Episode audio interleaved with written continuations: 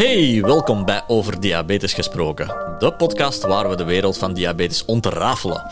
Ik ben Nick van der Halle en neem je mee op een boeiende reis vol inzichten, experttips en inspirerende verhalen.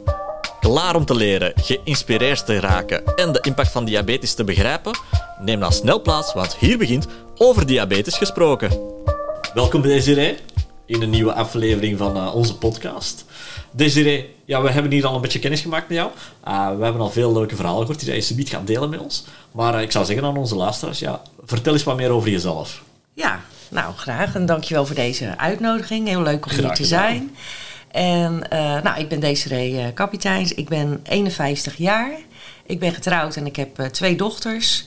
En ik ben sinds ja, ik weet even het jaartal dus niet, maar 13 jaar ongeveer ja. uh, diabetes 1 patiënt. Ja. daarvoor was nog een beetje twijfel. ik wou net zeggen, ja. je zegt 13 jaar, ja, dan, dan heb je dat op latere leeftijd gekregen. Want meestal type 1 wordt in de jongere jaren, jongere, ja. in de, in de jonge jaren gehaald. Was er toen verwarring met diabetes? Was het direct van, ah, dit is diabetes type 1? Of was het toen nog vaag? Het was vaag. Er was uh, bij blaasontsteking uh, glucose gevonden in de urine. Ja. En eerst geprobeerd met, uh, met pillen. Omdat ze aan het onderzoeken waren diabetes 2, misschien LADA, ja, dat, die termen uh, is onderzocht. En uh, ja, toen dat allemaal niet uh, de resultaten had die de internist toen wilde, ja. toen was het uiteindelijk van, nou, we denken toch dat het diabetes 1 is, die okay. dan toch gesluimerd heeft. Ja. En hoe was dat voor jou? Want je hebt net even al kort verteld dat je toch wel een bijzondere relatie eigenlijk hebt met diabetes type 1, eigenlijk voordat je het zelf ook al had. Ja. Wil je daar iets over vertellen? Ja, dat klopt. Ja, mijn oudste zus uh, die uh, is, uh, ja, wij denken geboren met diabetes ja. type 1. nou, mijn ouders waren hele jonge ouders en werden daarmee geconfronteerd. En dat zijn nee. best zware jaren geweest. Kan ik geloven. En ja, zij, zij dronk bijvoorbeeld opeens drie pakken melk achter elkaar toen ze heel klein was. En dat ze dachten, wat, wat is er met haar aan de hand? Nou, daar is toen diabetes 1 geconstateerd en... Nou, mijn zus eh, heeft uh, daar altijd best wel wat uh, last van gehad.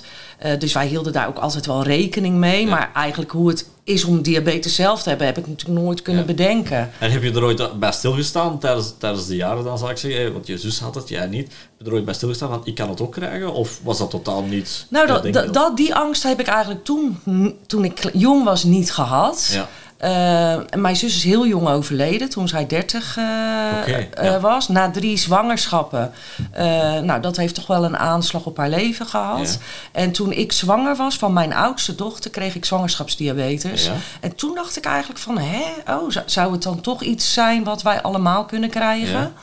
Um, mijn vader heeft reuma en mijn moeder heeft ook schildklierproblemen. Allemaal auto-immuunziekten. Dus toen begon het eigenlijk pas een beetje te dagen. Ja. Uh, maar tijdens de zwangerschap uh, ja, op je voeding letten, dat is de belangrijkste tip Zeker. die je kreeg. En, maar verder ja, was ik ook wel onwetend. Ja. Want je kreeg toen eigenlijk de diagnose zwangerschapsdiabetes. Ja. Uh, dus ja, wat dat veel vrouwen ook wel meemaken ehm, tijdens de zwangerschap. Maar ja, daar stopte het natuurlijk niet. Want je zegt nu zelf, ja, ik heb nu type 1. Dus we zijn uh, tien jaar geleden denk ik dat de zwangerschap was? Nee, uh, mijn, mijn oudste dochter is 23. Oh, dus, ik, ja, dus ik had zwangerschapsdiabetes. En na de bevalling ja, was er niet echt opvolging van de controle op diabetes. Ja. En als ik dan met uh, klachten naar de huisarts ging van bijvoorbeeld... ik ben heel erg moe, of ik zie wazig, of ik moet heel veel plassen... dan was ja. het eigenlijk allemaal te wijten. Ja, maar dat komt omdat je net een kindje hebt gehad. Ja. En uh, nou, in de tussentijd een tweede dochter gekregen. Dat was een stortbevalling. Toen heb ik ook bloed moeten krijgen in het ziekenhuis. Dus daarna had ik ook weer heel veel vermoeidheidsklachten. Ja. En toen was het ook, ja, maar dat komt dat je bloed het hebt. Het was altijd de zwangerschap. Het was altijd te wijten aan de zwangerschap. Ja. En toen uiteindelijk ja, voelde ik me zo rot. ja, in 2010 is dat dan... Mm ja, dat ik echt verdere controles heb gekregen. En toen werd er eigenlijk geconstateerd, ja, het is toch iets met diabetes. Nou ja, en toen is dat onderzoek begonnen, diabetes 2, LADA. En uiteindelijk uh, één geworden, wat geresulteerd heeft in uh, vier keer per dag uh, insuline. Drie keer maar gewoon. Dan zit je toch jaren in een beetje een onwetendheid. Onwetendheid, ja. Denk je dan ook dat je misschien sinds die zwangerschap al een soort van type 1 ontwikkeld hebt? Of dat niet per se? Ja, dat, dat achteraf denk ik dat wel. Maar dat is moeilijk te onderzoeken. En dat, dat, dat, bewijs is er niet voor. maar ja, zoals we het er net ook al over hadden, ik vind het wel belangrijk om daar een boodschap in uit uh, te dragen voor mensen die voor het eerst in hun leven met diabetes te maken krijgen tijdens hun zwangerschap. Zorg voor een goede opvolging. Want uh, kijk, misschien kan je het niet voorkomen, maar je kan je wel beter voelen als je weet hoe je moet handelen. Ja. En nou, ik heb toch best wel wat banen moeten verwisselen. Omdat het gewoon te zwaar voor me was en niet kon combineren. Maar dat je altijd zoeken was, ja, wat heb ik nou? Ben ik... Ja. Nou, dan is het heel vaak, ja, je neemt te veel hooi op je vork. Het is een burn-out. Of... Je begint overal excuses te zoeken en, en, oorzaken. Maar uiteindelijk, ja. ja, nu weet je de oorzaak. Maar ja, je hebt er dan wel 23 jaar over gedaan, over die zoektocht. Wat dan wel een lange zoektocht is. Ja. Dus uh, moeilijk, uh, moeilijk om, om te begrijpen dat daar na je zwangerschap ja, dat er dan geen opvolging in was. Voor, je, voor je zwangerschapsdiabetes dan. Ja. Was dat dan toen je dus echt de diagnose kreeg, eindelijk... Uh, nou, deels natuurlijk een grote klap, maar ook deels een opluchting dat je wist, nu weet ik eindelijk wat er is? Ja. Of dat niet? Ja, het was wel een opluchting, omdat het wel een zoektocht was. En uh, nou, ik heb altijd uh, wel de positieve van, nou, alles valt op te lossen. nou, als ik me beter voel door insuline dan uh, nou, is dat heel fijn. Dus dat was in het begin wel spannend. Toen zei de internist bijvoorbeeld van... nou, durf je jezelf uh, een injectienaald toe te dienen? En ik zeg, ja hoor, dat durf ik. Dus hij zei, nou, ik heb hier een soort placebo... en nou, probeer het maar even uit. Want volgende week krijg je al die spullen thuis... en dan moet je het zelf gaan doen. Dus mm, ik weet nog dat mijn man naast me zat... en die dacht echt, nou, durf zij dat? En ik pak die, die pen en ik doe zo. En precies voordat ik er in mijn buik moest prikken, stopte ik. Ik zeg, oh nee, ik durf het toch niet. Dus ik moest er wel heel erg in groeien. En die acceptatie vind ik nog steeds wel, wel eens lastig. Ik weet dat het helpt. Ik weet dat ik me mhm. goed kan voelen. Maar ik vind het ook vaak nog steeds wel eens spannend van... hoe doe ik dat nou? Spuit ik niet te veel? Spuit ik niet te weinig? Kan ik daar invloed op hebben? Graag de regie in handen. Terwijl ik ook wel weet dat, dat je het soms gewoon moet accepteren. En ook moet vertellen aan mensen: sorry, het gaat nu even niet. Ik zit te hoog of ik zit te laag. En dat vind ik wel moeilijk. Om die grens te bekijken van uh, waar, ja, naar jezelf eigenlijk toe. Van waar is mijn grens? Waar moet ik nu aangeven van jongens, dit is te veel. Ik ja. moet een stap achteruit. Ja. Dat vind je natuurlijk moeilijk. Ja. Maar zie je daar vandaag al, al verandering in over de jaren heen? Dat je zegt van vandaag kan ik het beter mee Of zeg je ja, ik ben toch nog heel streng voor mezelf? Ik ben best wel nog wel heel streng uh, voor mezelf. Ja het gaat wel beter en ik probeer wel. Uh, ja, in de thuissituatie uh, merkt mijn man het wel, mijn kinderen ook wel. Van, nou, volgens mij zit ze te hoog of te laag. En na mijn werk ja, vind ik dat wel eens lastig. Nou, Thuiswerken helpt daar wel bij, want als ik me dan niet goed voel, dan kan je in principe je laptop uitzetten en even doen wat je moet doen. wat eten of even rust nemen of juist even bewegen. Nou, en dan voel je je weer beter. Maar ik kan soms ook, uh, dan ben ik lekker bezig in huis. En dan ben ik uh, aan het stofzuigen, aan het schoonmaken. En dan overvalt mij mhm. een hypo. En dan denk ik, ik wil door. Ja. Dus dan ga ik door. Je wordt tegengehouden ja, maar ik ga dan wel door. Maar dan ga ik dus over die grens heen totdat het echt niet meer gaat. En dan uh, ja, duurt het eigenlijk die dag veel langer. Want je, eer dat je dan weer je echt goed voelt. Dus ja, ik denk wel eens van, nou, deze kom op. Ja, en dat heeft natuurlijk ook een mentale impact op ja. Ja, ja, natuurlijk. Ja, ik vind het best wel een, uh, een mentale uh, aandoening ook. Ja. Het is niet alleen. Ja, ja, het heeft zoveel effect soms op mijn, mijn karakter.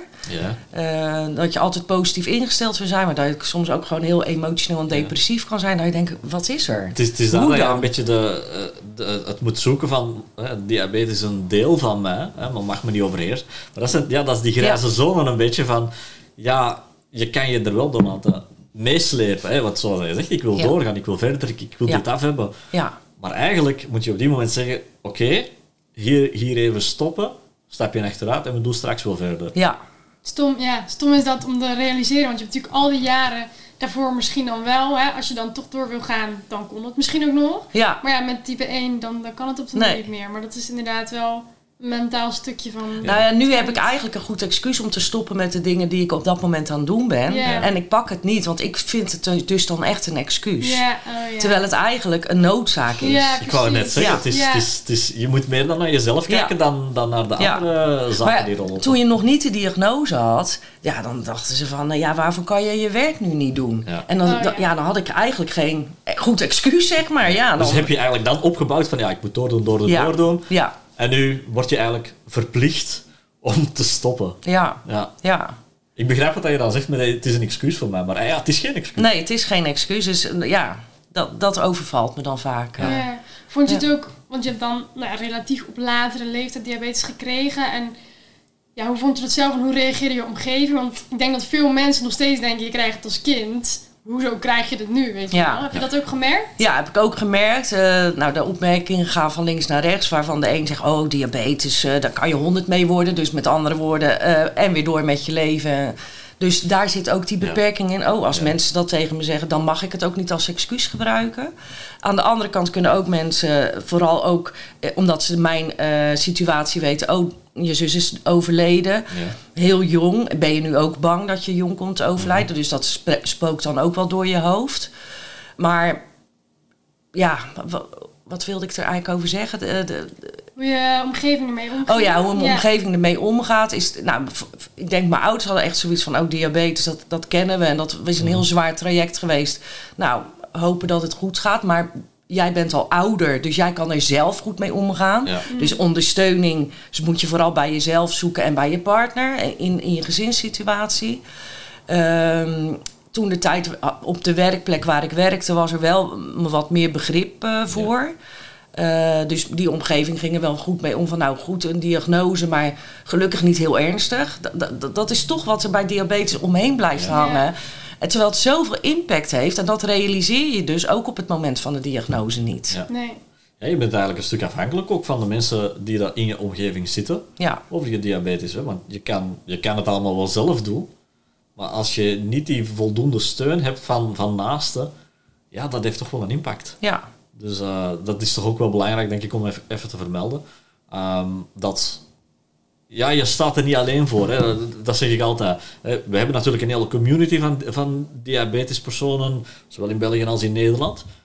Maar we vergeten soms dat het gewoon je partner is die al voldoende is om je daarin te steunen. Ja, ja dat, dat meer elkaar opzoeken, misschien mensen met die ervaringsfalen, daar draagt dit ook toe bij. Dat, uh, dat, ja, dat is bij mij ook pas later uh, gaan ontwikkelen. En uh, ik merk dat ik dat wel heel prettig vind. Dus, dus daarom wilde ik er ook aan meewerken. En inderdaad, als je op latere leeftijd uh, diabetes krijgt, dan verwarren mensen het vaak met diabetes ik, 2. Ik denk het wel, dat je direct die stempel krijgt, type 2. En dan zeggen ze, moet je maar beter gezond gaan eten, even suiker laten. Geen taart meer. Ja, geen taart meer, en, want dan gaat het gewoon over. En als je dan probeert uit te leggen van, nee, maar hij doet het gewoon niet meer bij mij, de alvleesklier. Want dat is ook wat heel veel mensen niet eens weten, wat, waar komt het nou eigenlijk door? Want dan denken ze, ja, dat komt omdat je te veel suiker hebt gegeten of zo.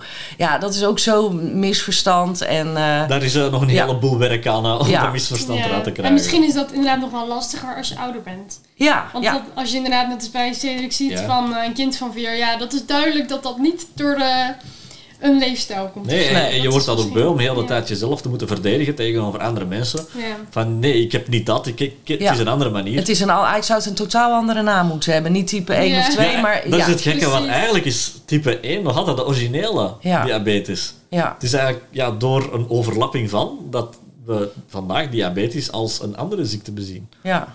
en heb je, je je diabetes te kunnen accepteren? Of hoe is dat proces gegaan? Ben je er nog steeds mee bezig misschien? Ja, ik ben er op een of andere manier wel mee bezig. Maar het is wel echt een onderdeel van wie ik ben. En ik, waar ik dan eerst... Uh, kijk, vroeger moest je natuurlijk... Uh, nu, ik, ik heb nu zo'n Libre 2, dus zo'n sensor met mijn telefoon. Dat werkt perfect, dus ik kan tussendoor. Maar toen vroeger met de vingerprik. Dan dacht ik, oh, volgens mij moet ik even meten.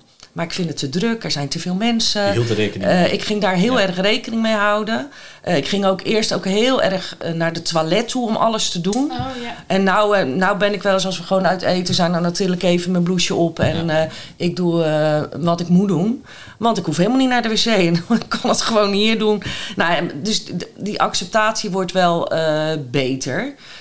Maar gewoon voor de dingen die ik graag wil doen, dat ik daar soms in beperkt word, die acceptatie vind ik nog wel eens lastig. Ja, snap ik. Je wilt toch gewoon alles kunnen doen ja. zoals voorheen eigenlijk. Ja, ja acceptatie, dat, is, uh, dat, dat blijft ook nodig, hè, want alles blijft ook veranderen. Je lichaam verandert ook. De technologie verandert ook. Hè, dus uh, ja, je komt altijd in andere situaties terecht. Ja. Het thuiswerk, hè, mooi voorbeeld. Hè, heel het corona gebeuren in 2020. Mensen blijven meer thuis werken. Ook dat verandert. Dus je moet je al niet meer... Hè, je zit niet meer tussen collega's, zal ik maar zeggen, of minder tussen collega's. Dus je hoeft daar geen rekening mee te houden. Dus je begint ook alles zelf te doen. Maar uiteindelijk is het ook... De andere kant is gevaarlijk, omdat je een, een soort cocon gaat maken. Ja. Uh, wanneer dat, dat eigenlijk niet nodig is. Want je hebt een chronische ziekte. Waarom verberg je dat? Ja. Klinkt, dat klinkt natuurlijk heel, heel raar, maar ja, het is gewoon zo. Eigenlijk zouden we diabetes gewoon moeten omarmen. Het is wat het is, maar... door die vooroordelen. Ja, door die vooroordelen gaan wij... mensen dat denken. Zetten de meeste mensen met diabetes een stap achteruit. Ja. Ja, ergens is dat fout. Natuurlijk, dat is eh, maatschappelijk dat dat fout is. Dat weten we allemaal. Maar eigenlijk zou je jezelf niet moeten verdedigen. Nee, nee. Nee, het is een stuk onwe heel veel onwetendheid. En uh, ja, dat is gewoon jammer. Eigenlijk uh, ja, moet, het, moet het niet nodig zijn dat ik ga vertellen van ik mag heus wel een taartje eten. Ja. Alleen ja, het is niet zo handig als ik er tien eet. maar dat is voor, jou... voor niemand niet. Nee, dat zeg, ik, dat zeg ik dan ook altijd. Voor jou is het ook niet gezond. Ik zeg, ik heb nog het voordeel dat ik het weg kan spuiten, zeg ik dan wel eens. en dat is natuurlijk, weet je wel, dan probeer ik er ook een beetje... Ja, dat is ook wel een beetje dat verdoezelen, grappig ja. over doen. Uh, maar het is wel een manier om in ja. de tegenaanval te gaan. Ja, ja. Uh, tegenaanval, dat is een zwaar woord, maar ja, je kan er wel, wel mee verweren. Ja. ja. En voor mezelf denk ik, nou oké, dit is allemaal prima en ik kan het goed... Uh, het, ik, ik manage dit. Mm maar ik vind het soms wel lastig naar, uh, naar mijn kinderen toe. Van, Is het nou iets erfelijks belast? Kunnen zij het ook krijgen? Uh, als zij dan uh, klachten hebben die ik herken, dan schiet ik gelijk in. Oh, bloed gaan prikken naar de huisarts. Eigenlijk wil ik dat helemaal niet bij mijn kinderen opleggen, maar ik doe het toch. Het is helemaal niet bewezen, maar ik vind het toch een heel spannend verhaal. Omdat je dan, als je de lijn bij ons in de familie ziet, ja. Ja, en dan heb je die onwetendheid ook weer eens. Hè? Want ook je weet niet dat het erfelijk is. Hè? Er zijn heel veel studies rond, maar ja, vandaag weten we gewoon nog niet. Nee is ook een beetje wat wij in ons uh, gezin ook hadden. Uh, is het erfelijk? Ja, nee. Maar ja, eigenlijk is er veel te veel onwetendheid. Ja. Laten we dat gewoon samenvatten. Ja. Maar ja, dan, dan denk ik met zeker dit gesprek dat we dat toch al een beetje openbreken. Zeker. Eigenlijk, eigenlijk, we moeten er allemaal voor uitkomen. Ja. Hè? Laten we het daarover eens zijn. We kunnen er ook niks aan doen. We kunnen er niks aan doen. Hè? Nee. Dus, dus uh, laten we gewoon al onze pennen en al op tafel gooien vanaf nu in elk restaurant, elke brasserie. Ja. Dit is het. Laat het gewoon worden. Ja. Misschien is dat wel de, de juiste boodschap. Laat het gewoon worden dat het normaal is dat je bloedzakken meet. Ja, het is met die sensor ook wel dat het. Eh, eh, nou, dat had ik het op vakantie dan tenminste. Het is zichtbaar. Het is herkenbaar. Dus mensen gaan opeens uh, je ook aanspreken. En ik uh, zwem uh, op maandag altijd aquajong. En op een gegeven moment komt er een meisje naar me toe. En ze zegt: ja, Ik zie dat jij ook een sensor hebt. Mhm. Hoe gaat dat met zwemmen? Ik zeg: Nou ja bij mij blijft hij gewoon goed zitten. En eh, ik hoef hem niet eens een extra sticker te doen of een bandje. Dat gaat gewoon prima. Dus we hadden daar een heel open gesprek over. En toen zei ik wel van, maar toen ik op vakantie was in uh, Kroatië, daar waar het 30 graden was, toen viel hij er in één keer af. Ja. Dat was zonnebrand, de hitte, ik weet het niet. Maar ik had wel paniek, want ik had helemaal niet zoveel voorraad bij me. En, en ik vind het zo handig dat ik niet in mijn vinger hoef te prikken. Dus we hadden een heel open gesprek en gingen ook mensen zich ermee bemoeien. Ja, we vroegen ons af, wat hebben jullie op je arm? En, uh, dus, nou Die ja. gespreksovender eigenlijk. Ja. Dan ontstaat er wel een mooi gesprek. Ja, zeker. Ja. Leuk, ja. ja. En in het dagelijks leven, hoe ga je dan met je diabetes om? Want je vertelde net al, hè, je bent hierheen gereden. Als je dan liever uh, iets te hoog zit dan te laag. Ja. ja, ik kies altijd een beetje voor te hoog. En uh, omdat ik weet als ik uh, bijvoorbeeld geen parkeerplaats kan vinden, dan, dan ga ik een beetje stressen. Dus dan krijg ik adrenaline, dat breekt mijn insuline af. En dan weet ik al van, nou, dan schiet ik daar in de hypo. En dan kom ik aan op de plek van bestemming. Dus bijvoorbeeld hier bij de podcast. En dat vind ik dan niet fijn. Ik zit dan liever wat hoger. Maar goed, mijn interniste wil wel dat ik iets lager uh, in die zone ga komen. Ja. Uh, door smiddags in ieder geval wat meer insuline te prikken. Want anders heb ik gewoon over de hele linie te weinig. Ja. Um, en dat moet ik dan inderdaad maar compenseren van... oh, dus ik schiet nu iets te laag dan een dekstrootje nemen. Dat is dan nog beter dan continu boven die te hoge marge te zitten. Ja. ja. Ja. ik snap de angst heel goed hoor. Het is natuurlijk zeker als je aan het autorijden bent of je moet net ergens zijn waar je even moet presteren, om het zo te zeggen. Ja. ja dan is het laatste wat je wil is een hypo. Uh. En ik vond het daar ook over het autorijden heel confronterend dat ik een eh, speciaal onderzoek moest voor mijn rijbewijs. Ja. Oh, dat vond ik echt. Dat, dat is bijvoorbeeld ook een stukje acceptatie. Dat ik dat de eerste keer. Ik heb het helemaal niet gemeld eigenlijk in het begin. Maar ik moest mijn rijbewijs verlengen. En toen moest ik dat allemaal doen. En dan krijg ik maar een rijbewijs voor vijf jaar. Nou, ik vond dat heel confronterend. Waardoor dat je denkt dat je beperkt wordt ja. Want ik moet binnen vijf jaar terug dit gaan verlengen, moet ik mij weer gaan bewijzen. Ja. Dat is een beetje, ja, dat is inderdaad fout, maar Nee, het is, is, de wetgeving ook een beetje. Ik snap het, weet je, als er wat gebeurt in het verkeer en uh, stel dat ik helemaal alles niet goed onder controle heb. Dus ik snap het ook wel, want ik wil ook, ik zou een ander echt geen schade toe willen brengen door mijn uh, diabetes in dit geval.